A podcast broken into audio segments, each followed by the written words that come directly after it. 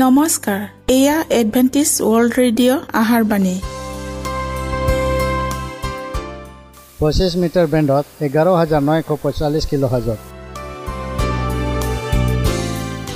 Adventist World radio যোগে অসমীয়া ভাষাত প্ৰচাৰিত আহাৰ বাণী প্ৰত্যেক বুধবাৰ আৰু দেওবাৰ সন্ধিয়া সাত বজাত আহাৰ বাণী শুনাৰ পিছত আপোনালোকৰ কিবা মন্তব্য আৰু প্ৰশ্ন থাকিলে আমালৈ এই ঠিকনাত লিখক। আমাৰ ঠিকনাটি হৈছে Adventist world radio' seven day Adventist মণ্ডলী অসম শাখা লতাকাটা বশিষ্ট গুৱাহাটী সাত আঠ এক শূন্য দুই ন।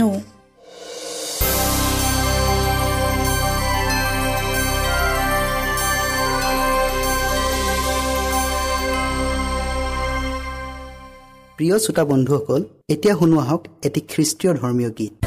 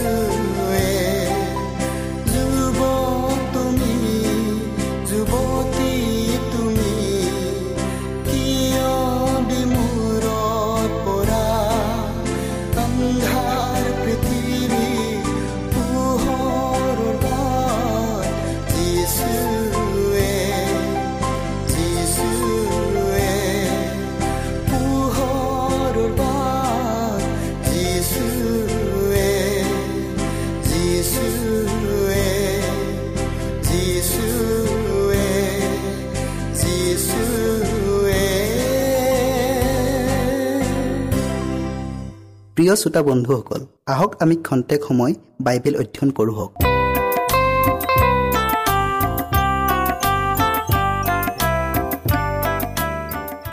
প্ৰিয় শ্ৰোতাসকল নমস্কাৰ। যোৱা অনুষ্ঠানৰ প্ৰভুৰ দ্ৰাইখা বাৰী ইয়াৰ বাকী অংশটো আমি আকৌ শুনো হওক। শাস্ত্ৰপদ হৈছে লোক একৈছ অধ্যায়ৰ তেত্ৰিছ পদৰ পৰা চৌৱাল্লিছ পদলৈকে। ঈশ্বৰৰ বাক্য শুনাৰ আগতে আমি প্ৰাৰ্থনা কৰোঁ হওক। সেই স্বৰ্গত থকা অসীম দয়াময় ঈশ্বৰ যি হোৱা তোমাক ধন্যবাদ দিছোঁ প্ৰভু কিয়নো তুমি আমাক আকৌ এই সুন্দৰ সময় দিলা। প্ৰভু তুমি আমাৰ সংগে সংগে থাকা আৰু যি বিষয়টোলৈ আমি শুনিবলৈ আগবঢ়াইলোঁ এই বিষয়টোলৈ তুমি জানিবলৈ আৰু বুজিবলৈ জ্ঞান আৰু বুদ্ধি দিয়া।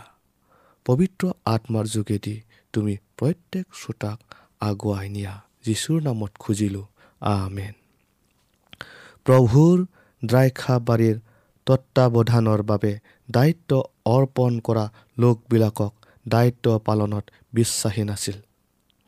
পুৰোহিত আৰু ধৰ্মীয় নেতাসকল লোকসমূহৰ প্ৰতি বিশ্বাসী উপদেষ্টা নাছিল। তেওঁলোকে লোকবিলাকৰ আগত ঈশ্বৰৰ দয়া আৰু সৎগুণ আৰু তেওঁলোকৰ পৰা বিচৰা প্ৰেম আৰু ভক্তি একোৰে আদৰ্শ ৰাখিব পৰা নাছিল। তেওঁলোকে নিজৰ স্বাৰ্থত মগ্ন হৈছিল। তেওঁলোকে দ্ৰাক্ষাবাৰীৰ ফল নিজে ভোগ কৰিবলৈ ইচ্ছা কৰিছিল। নিজলৈ আকৰ্ষিত কৰি তেওঁলোকৰ বশ্যতা স্বীকাৰ কৰাই তেওঁলোকৰ মূল মন্ত্ৰ আছিল। ইজৰাইলৰ ধৰ্মীয় নেতাবিলাকৰ অপৰাধ সাধাৰণ পাপীৰ দৰে অপৰাধী নাছিল। কিয়নো এইবিলাকে ঈশ্বৰৰ প্ৰতি পালনীয় আটাই পবিত্ৰ বিধিবোৰ জানিছিল। লোকসমূহক ঈশ্বৰে এইদৰে কৈছে বুলি শিকাবলৈ প্ৰতিজ্ঞাবদ্ধ হৈছিল আৰু তেওঁলোকৰ দৈনন্দিন জীৱনত নিয়ম নিষ্ঠাতাৰে চলিবলৈ উদগাব লাগিছিল। কিন্তু তেওঁলোকে ইয়াৰ পৰিৱৰ্তে শাস্ত্ৰৰ বাক্য অৰ্থান্তৰ কৰিছিল। তেওঁলোকে মানুহবিলাকৰ জীৱনত প্ৰত্যেকটো খোজত অসহনীয় বোজা জাপি দিছিল। ধৰ্মীয় নেতাসকলে মানুহবিলাকৰ ওপৰত অসহনীয় অনৰ্থক ধৰ্মীয় বোজাৰ হেঁচাত সেইবোৰ পূৰণ কৰিব নোৱাৰা ফলস্বৰূপে নিৰবিচ্ছিন্নভাৱে অশান্তিত ভুগিছিল। যেতিয়া মানুহবিলাকে মানুহৰ মনে সজা বিধিবোৰ পালনৰ অপ্ৰয়োজন বোধ কৰিলে লগতে ঈশ্বৰৰ আজ্ঞাৰ প্ৰতিও অনীহা প্ৰকাশ কৰিলে। প্ৰিয় শ্ৰোতাসকল ঈশ্বৰে তেওঁৰ লোকবিলাকক বিশেষ পৰামৰ্শ দি কৈছিল যে তেওঁৱে দ্ৰাক্ষাবাৰীৰ গৰাকী আৰু তেওঁলোকৰ দায়িত্বত দিয়া সকলো নীতি নিয়ম আৰু বিধি বিধানবোৰ কেৱল তেওঁৰ উদ্দেশ্য ব্যৱহাৰ হ'ব লাগে। কিন্তু পুৰোহিত আৰু শিক্ষকবিলাকে তেওঁলোকৰ পবিত্ৰ দায়িত্ব পালন অমনোযোগী হ'ল আৰু ঈশ্বৰৰ আদেশ অমান্য কৰি নিজৰ ইচ্ছামতে চলিলে। ঈশ্বৰে তেওঁৰ ৰাজ্যৰ বৃদ্ধিৰ অৰ্থ যিবোৰ নীতি নিয়ম উপায় আৰু সুযোগ তেওঁলোকৰ ওপৰত ন্যস্ত কৰিছিল সেইবোৰ একাদিক্ৰমে পৰিহাৰ কৰিলে। আনকি তেওঁলোকৰ লোভ মোহৰ কাৰণে পৰজাতিৰ আগতে সেও প্ৰণিপন্ন হ'ল। এইদৰে তেওঁলোকে দেৱ পূজক জগতৰ আগত ঈশ্বৰৰ সৎগুণ আৰু তেওঁৰ ৰাজ্যৰ বিধি বিধানৰ নিকৃষ্ট আদৰ্শ দেখুৱালে। পিতৃসুলভ মনোভাৱেৰে ঈশ্বৰে তেওঁৰ লোকবিলাকৰ সকলো অটপালি সহ্য কৰিলে। তেওঁ তেওঁলোকক সৎ পথলৈ ঘূৰি আহিবলৈ দয়াৰে অনেক অনুনয় বিনয় কৰা স্বত্তেও কাণ সাৰ নকৰাত সেই দয়া প্ৰত্যাহাৰ কৰিলে।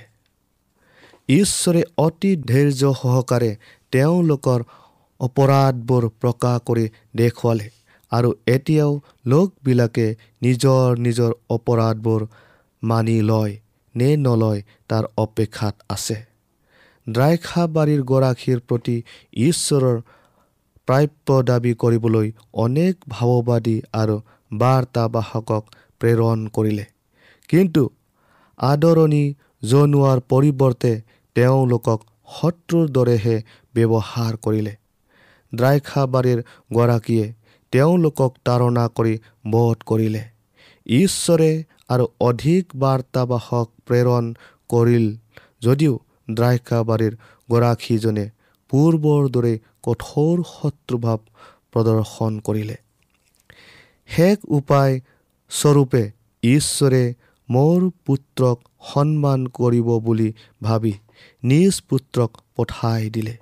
কিন্তু তেওঁলোকৰ শত্ৰুভাৱে ইয়াকে প্ৰতীয়মান কৰিলে যে নিজৰ ভিতৰতে আলোচনা কৰি ক'লে ইয়েই উত্তৰাধিকাৰী আহা ইয়াক বধ কৰি তাৰ উত্তৰাধিকাৰ আমি কাঢ়ি লওঁ হওক তেতিয়াহ'লে দ্ৰাক্ষা বাৰীখন আমাৰ অধিকাৰত হ'ব। আৰু ইয়াৰ ফলবোৰ আমাৰ ইচ্ছামতে আনন্দেৰে ভোগ কৰিব পাৰিম। প্ৰিয় শ্ৰোতাসকল যিহুদী নেতাবিলাকৰ ঈশ্বৰৰ প্ৰতি প্ৰেম নথকাত তেওঁলোকে নিজকে নিজে তেওঁৰ পৰা পৃথকে ৰাখিছিল আৰু আজ্ঞাসমূহ ভংগ কৰিছিল। কৃষ্ট ঈশ্বৰৰ প্ৰিয়জনাই আহি তেওঁৰ প্ৰাপ্য দ্ৰাক্ষাবাৰীৰ মালিকী স্বত্ব অধিকাৰ দাবী কৰিলে।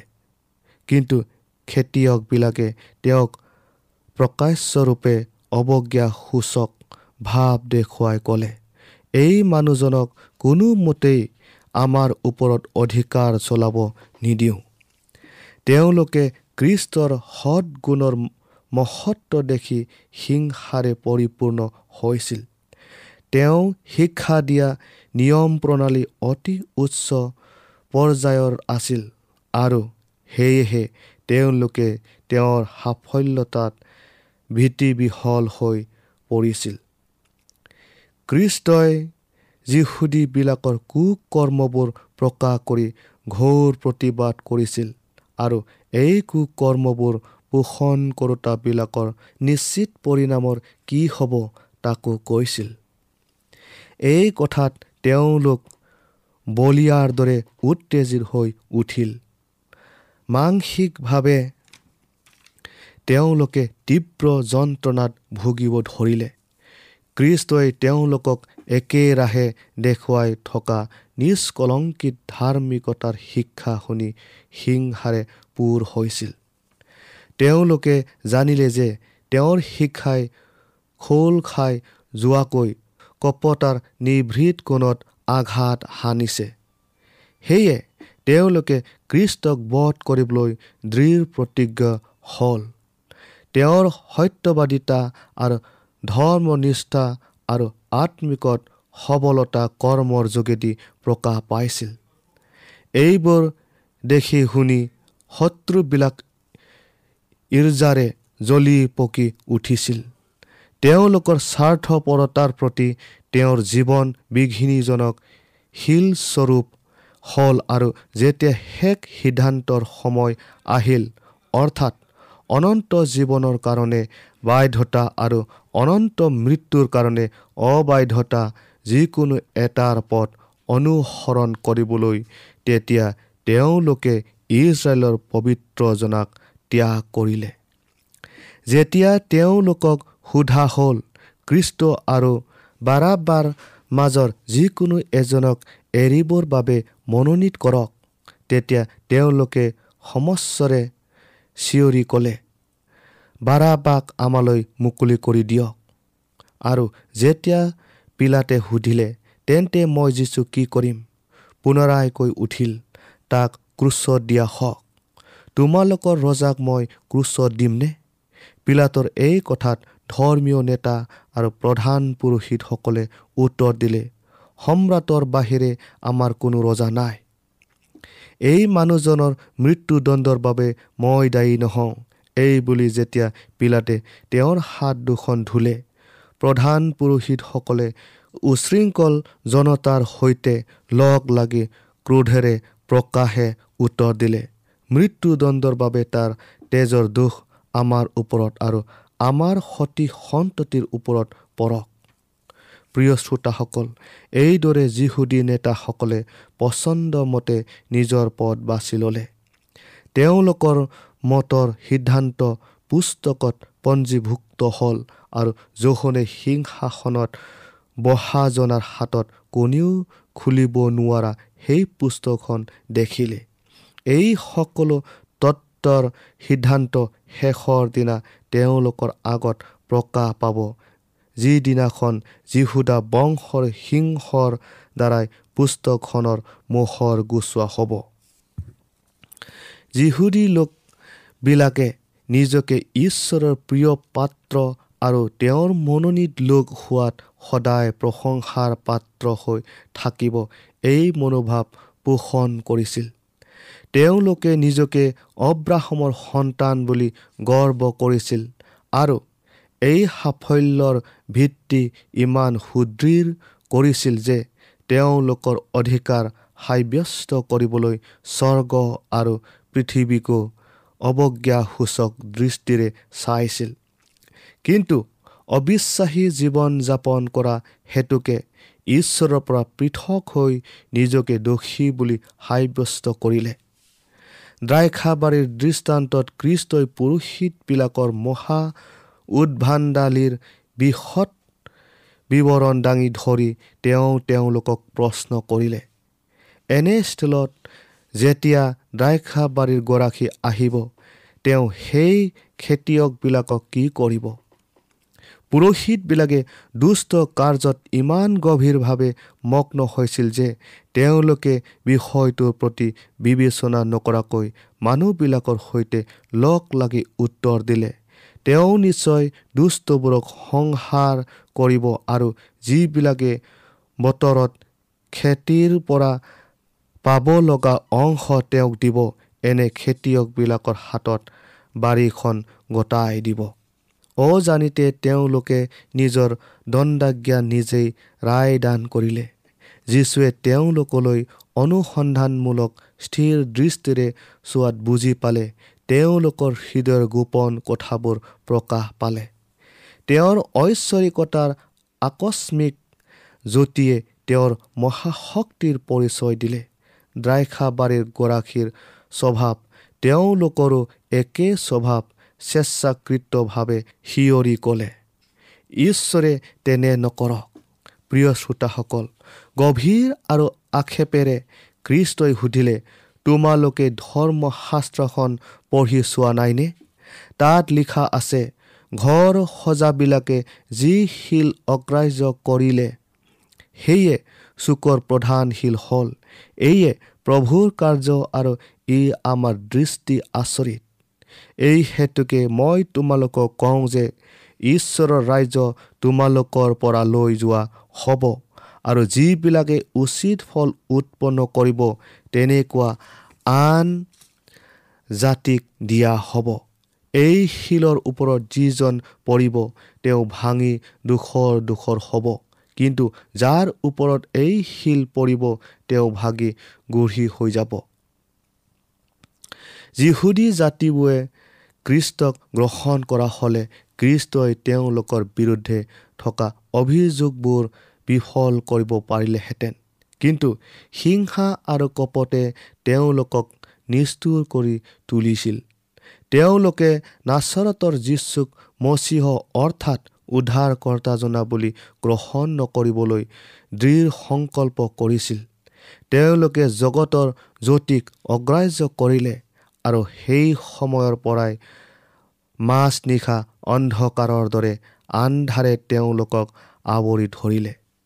ফলস্বৰূপে পূৰ্বে ভৱিষ্যতবাণী কৰা দণ্ডাজ্ঞা যিহুদী জাতিৰ ওপৰত ন্যস্ত হ'ল। তেওঁলোকৰ প্ৰচণ্ড আৰু আত্মসংযমহীন কুকৰ্মবোৰে তেওঁলোকৰ ধ্বংসৰ কাৰণ হ'ল। তেওঁলোকৰ মাজতে ই কিয়লা কিয়লি হৈ বিশৃংখলৰ সৃষ্টি হ'ল ফলত তেওঁলোকৰ বিদ্ৰোহী আৰু আত্মা অহংকাৰে তেওঁলোকৰ ৰমীয়া বিজেতাৰ ক্ৰোধৰ সন্মুখীন হ'ল। ইয়াৰ পৰিণতি স্বৰূপে জেৰুচালেম নগৰখন ধ্বংস হ'ল। ধৰ্ম মন্দিৰ বিধ্বস্ত হ'ল। চহৰখনৰ ভূমি পথাৰ চহোৱাৰ দৰে চহাই পেলালে। যীহুদাৰ সন্তানবিলাক অতি ভয়াৱহ মৃত্যুৰ সন্মুখীন হ'ল। নিযুত নিযুত লোকক মূৰ্তি পূজকৰ দেশত দাস্য কৰ্মৰ অৰ্থে বেচা গ'ল। এটা জাতি হিচাপে যিহুদীবিলাকে ঈশ্বৰৰ উদ্দেশ্য সিদ্ধ কৰাত অসফল হ'ল আৰু সেয়ে দ্ৰাইখাবাৰীৰ অধিকাৰ তেওঁলোকৰ পৰা কাঢ়ি লোৱা হ'ল। ঈশ্বৰ প্ৰদত্ত যি অধিকাৰক তেওঁলোকে অপব্যৱহাৰ কৰিছিল যি কৰ্মক তুচ্ছ জ্ঞান কৰিছিল সেই দায়িত্বভাৰ আনৰ ওপৰত অৰ্পিত কৰা হ'ল। প্ৰিয় শ্ৰোতাসকল আজি আমি ইমানতে সামৰিলোঁ। ইয়াৰ বাকী অংশ পৰৱৰ্তী অনুষ্ঠানত আপোনালোকে শুনিবলৈ পাম হওক। আশা কৰোঁ আপোনালোকে ইয়াৰ বাকী অংশ শুনিবলৈ নেপাহৰিব। ঈশ্বৰে আপোনালোকক আশীৰ্বাদ কৰক।